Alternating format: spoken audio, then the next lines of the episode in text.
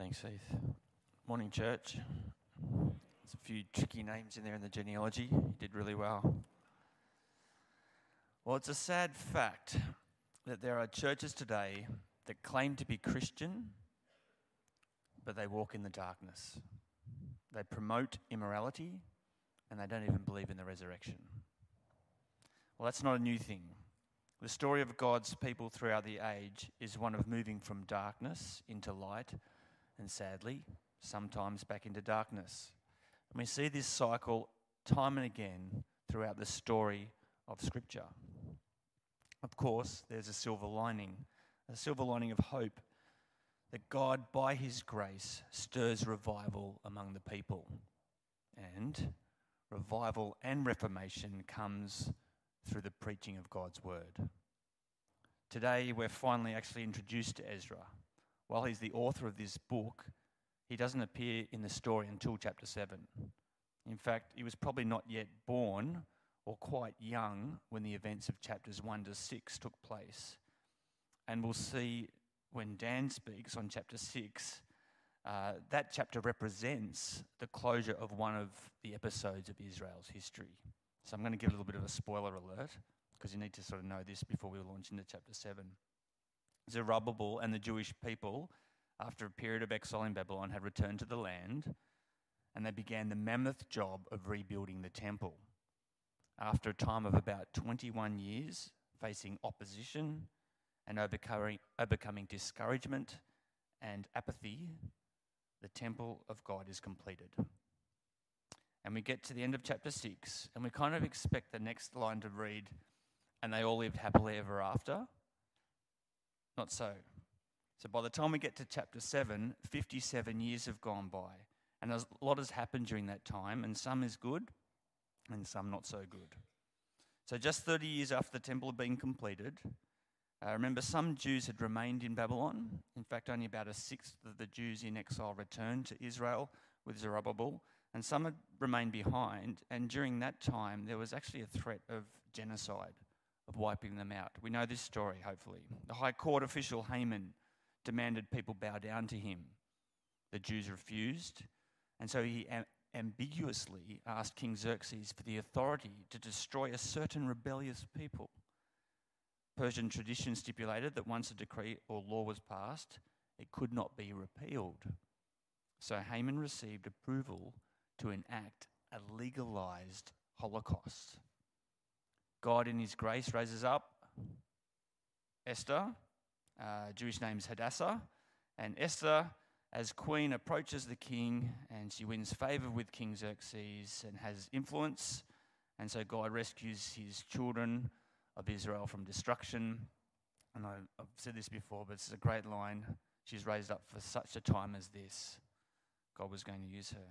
So from that time forward, Esther and all the Jews in Persia actually enjoyed the favor of the king. But while things looked up for Jews in Persia, things were not going so well in the land of Israel. In Jerusalem, where the temple stood, we read this report. I'm skipping ahead to chapter 9 of the people in the land. After these things had been done, the leaders came to me and said, The people of Israel, including the priests and Levites, have not kept themselves separate from the neighboring peoples with their detestable practices, like those of the Canaanites and Hittites, Perizzites, Jebusites, Ammonites, and Moabites, Egyptians, and Amorites. They have taken some of their daughters as wives for themselves and their sons, and have mingled the holy race with the peoples around them. And the leaders and officials have led the way in this unfaithfulness. Those who responded in obedience to the prophetic word of God through Haggai and Zechariah, which is around that time as well, had given way to a new generation. This generation intermarried, and this was a significant problem as it tended to lead people astray into immorality and idolatry. And so we see here that people have separated themselves uh, from God and they're doing detestable practices. They are now guilty of the very sin that caused them to be exiled in the first place. They're wandering from the light back into the darkness. Despite having the temple complete, standing there on the hill in Jerusalem, Despite reinstating the sacrificial system and temple worship, Israel had wandered from the words of the Lord. Israel had a form of godliness, but it was all show. So God raises up Ezra to call his people to return to him, to bring revival by his word. And we're introduced to Ezra here in chapter 7. And I want to draw our attention to three truths that we find in the, this passage that even today, I hope we realize uh, we can enable. The first truth is that God graciously raises up faithful servants to lead his people in the truth. The second truth we see here is that a faithful servant of God will apply the word to their lives. And the third truth is that a faithful servant of God will teach God's word to others. Let's go with the first truth. We see time and again, not only in the Bible, but throughout the history of the church, that God graciously raises up faithful servants to lead his people in truth. Whenever God's people have needed deliverance from outside enemies or transformation from the sin within, God raises up a servant suited for the task.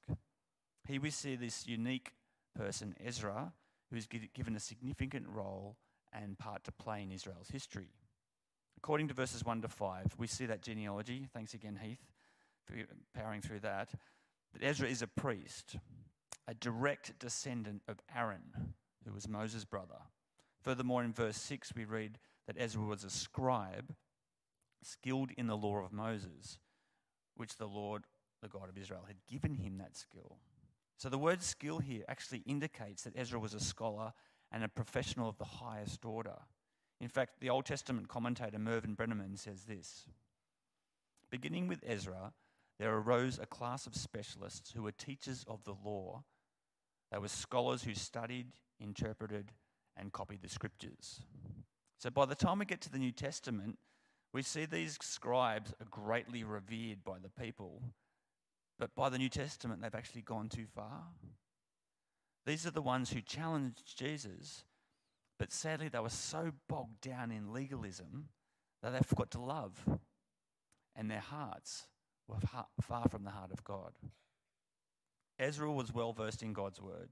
He was not just the guy who went to, to figure out technicalities of the Mosaic law, but he knew the history of Israel from creation to his time to the exile and all about God's dealings with his people. He was not just a priest, he was a lawyer and a historian. This is the kind of person Ezra was, and we'll see a bit more of him in a moment. Verses 7 to 10. Some of the Israelites, including priests, Levites, musicians, gatekeepers, and temple servants, also came up to Jerusalem in the seventh year of King Artaxerxes. Ezra arrived in Jerusalem in the fifth month of the seventh year of the king. He had begun his journey from Babylon on the first day of the first month, and he arrived in Jerusalem on the first day of the fifth month. For, this is what I want us to note really, the gracious hand of his God was on him for Ezra had devoted himself to the study and observance of the law of the Lord and to teaching its decrees and laws in Israel. Notice the gracious hand of his God was on him. For Ezra had set his heart to study the law of the Lord, not just know it, but to apply it to his life, to do it, and to teach God's message to God's people close to 80 years after the first group had returned to Israel, and 57 years after the completion of the temple, Ezra, like Zerubbabel, is leading another group of exiles. And we see here God's gracious hand is on Ezra as he sets his heart to study the word of the Lord and to live it out, to teach it. This is what made Ezra unique. What set him apart from the people of the land and what ultimately led to God choosing him to spark revival and promote living by God's word amongst God's people. Now, we should notice that just like Ezra, a useful servant of God will always be characterized by these three truths. They study God's word, they apply it to their own lives, and they teach it to others. Here at Life Anglican Church, we really do believe in the importance of studying and cultivating the Word of God in our lives. Because as we study the Word of God, we get to know the God of the Word. Ezra had given himself to the diligent study of scriptures. He pored over the scriptures. He wanted to know the God of the word. He saw God's word as precious and worthy of his time. He wanted to know God. Do we have a heart that wants to know God? If we have a heart that desires to know God, then reading the Word of God isn't a chore. When my wife and I were dating, she actually spent a couple of years in England while I was studying theology. And we had a long distance relationship with lengthy phone calls. And it was just before the internet. That's right, it's a while ago. And so we wrote letters. And so this is a shoebox of letters. Um, I've still got it. And uh, we'd write letters. And I was a diligent, diligent student of this literature. I'd pore over the letters. I would I wouldn't just read them once. I'd look for the nuance and what do you mean by that? And because I was getting to know this person and building a relationship. And uh, I even, to get that photo, I started going back through them again, started going over them again. Going, oh, wow, look at that. They're all signed Love Deb. Now, why are these letters so important? Is because I wanted to know the author of the letters. The same is true if we desire to know God, we will want to read His Word which is actually one giant love letter. I love you. I sent my son. He died for you. He rose again. We want to study God's word to know the God of the word and build relationship with him. Right, we can take down the shoebox now. Thanks. And so this was Ezra. He studied God's word. And one of the benefits of his diligence is that he was sensitive to the hand of God moving around him. In fact, there are three references here to the hand of God not just being on him, but actually on the pagan king. Ezra is walking in step with God. He's very aware of the presence of God at work in his life and through Israel's history. Ezra saw the gracious hand of God working around him. He was alert and aware. And when we know the Word of God, it opens our eyes to the way God works. It makes us sensitive to His working around us in the world in our own lives and it increases our faith in Him. When we read the Word of God and seek God, we become sensitive to God's leading. Now, I can think of times when God's put someone on my heart or my mind and I've just started praying for them.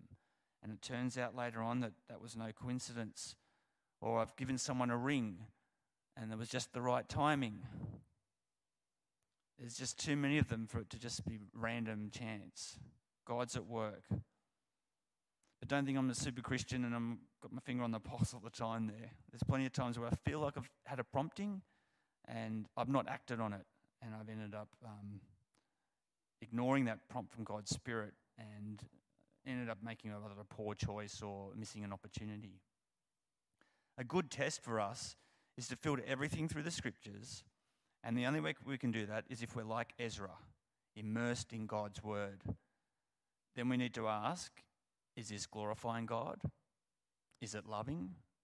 Is it seeking God's will for my life and God's will for others? And that old classic WWJD? What would Jesus do in this situation? How many doors do we miss or windows of divine opportunity do we miss because we're not sensitive to the fact that God is orchestrating everything, every detail of everything? Every person God brings into our lives is not an accident. If we're not sensitive to that, if we're not in the Word of God, knowing the God of the Word and how He works in and through the circumstances of our lives, then we're going to be blind to these things. Ezra is open to the gracious hand of God in his life. The second truth we see here is that a faithful servant of God will apply the word to their lives. Not only study the word of God, but do it. As we know the God of the pages of the scripture, we understand that he not only is worthy of worship, but he's also worthy of our obedience. We might make a distinction between these two things, but worship and obedience go hand in hand. Worship is an expression of adoration and reverence. The things we worship, we make time for, we make sacrifices for them. So, what is it we're worshipping? Worshipping God isn't just reverence and adoration as we sing songs here on Sunday. It's our whole life, 24 7. Both our public life, what others know about us, and our private life, what we know about ourselves. And there can be a disjoint sometimes, and there's this term called cognitive dissonance. And there's this, this I don't know if I can say this, anyway, there's this sort of joke that goes, roses are red, violets are blue, I'm a schizophrenic. Oh, and so am I. and it's just a case of, um, yeah, just we have one thing for the church crowd and another thing for, you know, what we know about in secret. So our whole life has to be an act of worship expressed in obedience. Romans 12 says this Therefore, I urge you, brothers and sisters, in view of God's mercy, to offer your bodies as a living sacrifice, holy and pleasing to God. This is your true and proper worship. Do not conform to the pattern of this world, but be transformed by the renewing of your mind. Then you'll be able to test and approve what God's will is His good, pleasing, and perfect will for our lives. The separation of worship and obedience leads to a great number of people who come to church and sing songs and raise their hands and go and live their life just like the rest of the secular world. Ezra didn't study for the purpose of teaching other people. He didn't just study for that, but he studied for the purpose of his own heart.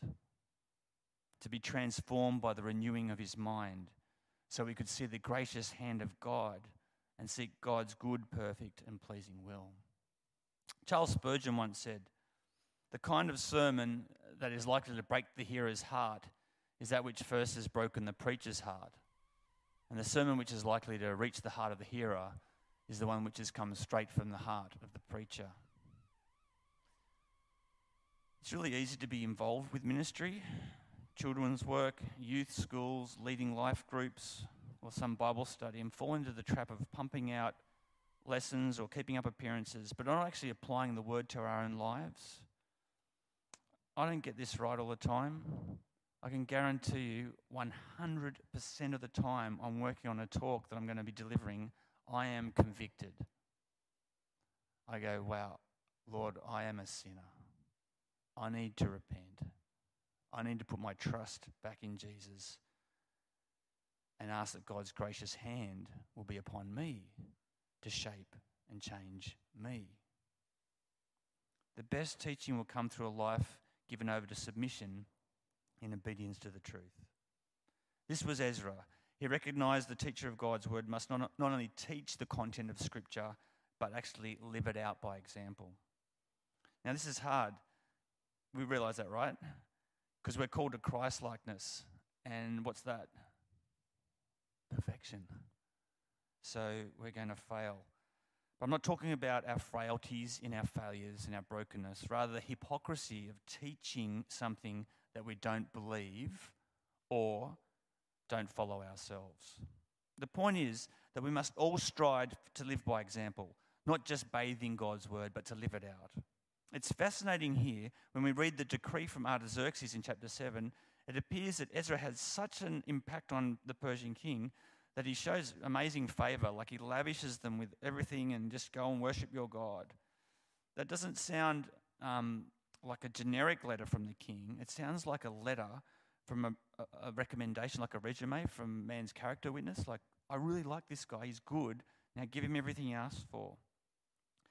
Artaxerxes must have seen the consistency in Ezra's life, that his faith and his life added up. Included in Artaxerxes' decrees, decrees the following And you, Ezra, in accordance with the wisdom of your God, which you possess, appoint magistrates and judges to administer justice to all the people of the Trans Euphrates, all who know the laws of your God, and you are to teach any who do not know them. How good is this? Here's a decree from a pagan king to teach God's word God's gracious hand is certainly upon Ezra. So, a faithful servant of God will study the Word of God, they'll reset their heart and apply the Word of God to their life, and they'll teach God's Word to others. Ezra had a clear demonstration of love for God, but this final point is a demonstration of Ezra's love for others. He desired to teach the people God's Word that they might know God and they might obey God because he understood that that's the path that enables true hope to be realized. Think about it in our own lives. Are you a teacher of God's word to all the people that God has put into your life? The responsibility doesn't just fall here. Husbands to wives, wives to husbands, fathers and mothers to children, siblings to one another, neighbours, work colleagues, shop proprietors, taxi drivers. Don't get me started there. I'm in the next to the taxi. We're talking about Jesus at some point. All the people, your hairdresser, all the people that God graciously puts in our lives. The Great Commission of Matthew 28 go and make disciples and teach them to obey God's commands. That commission's for everyone, it's not just preachers. Are you investing in bringing God's word alive in your life and to not just speak God's word, but to teach it by living God, by God's word? God graciously raises up faithful servants to lead his people in the truth. And we see this exemplified in the character of Ezra. That responsibility now falls on each of us. People are walking in darkness. Revival happens when we're a testament of God's word alive and active in our own life so that all people will realize the hope we have in Jesus. We're encouraged by these words in Colossians, in the steps of Ezra, to the Lord's people. God has chosen you to make known among the Gentiles the glorious riches of this mystery, which is Christ in you, the hope of glory. Let's pray. Heavenly Father, we pray that we, your children, remain lifelong students of your word, that we allow it to reset our hearts as we apply your word to our lives. May we teach others your word in speech and example. And we pray strength from your Holy Spirit to be like Jesus, in whose name we pray. Amen.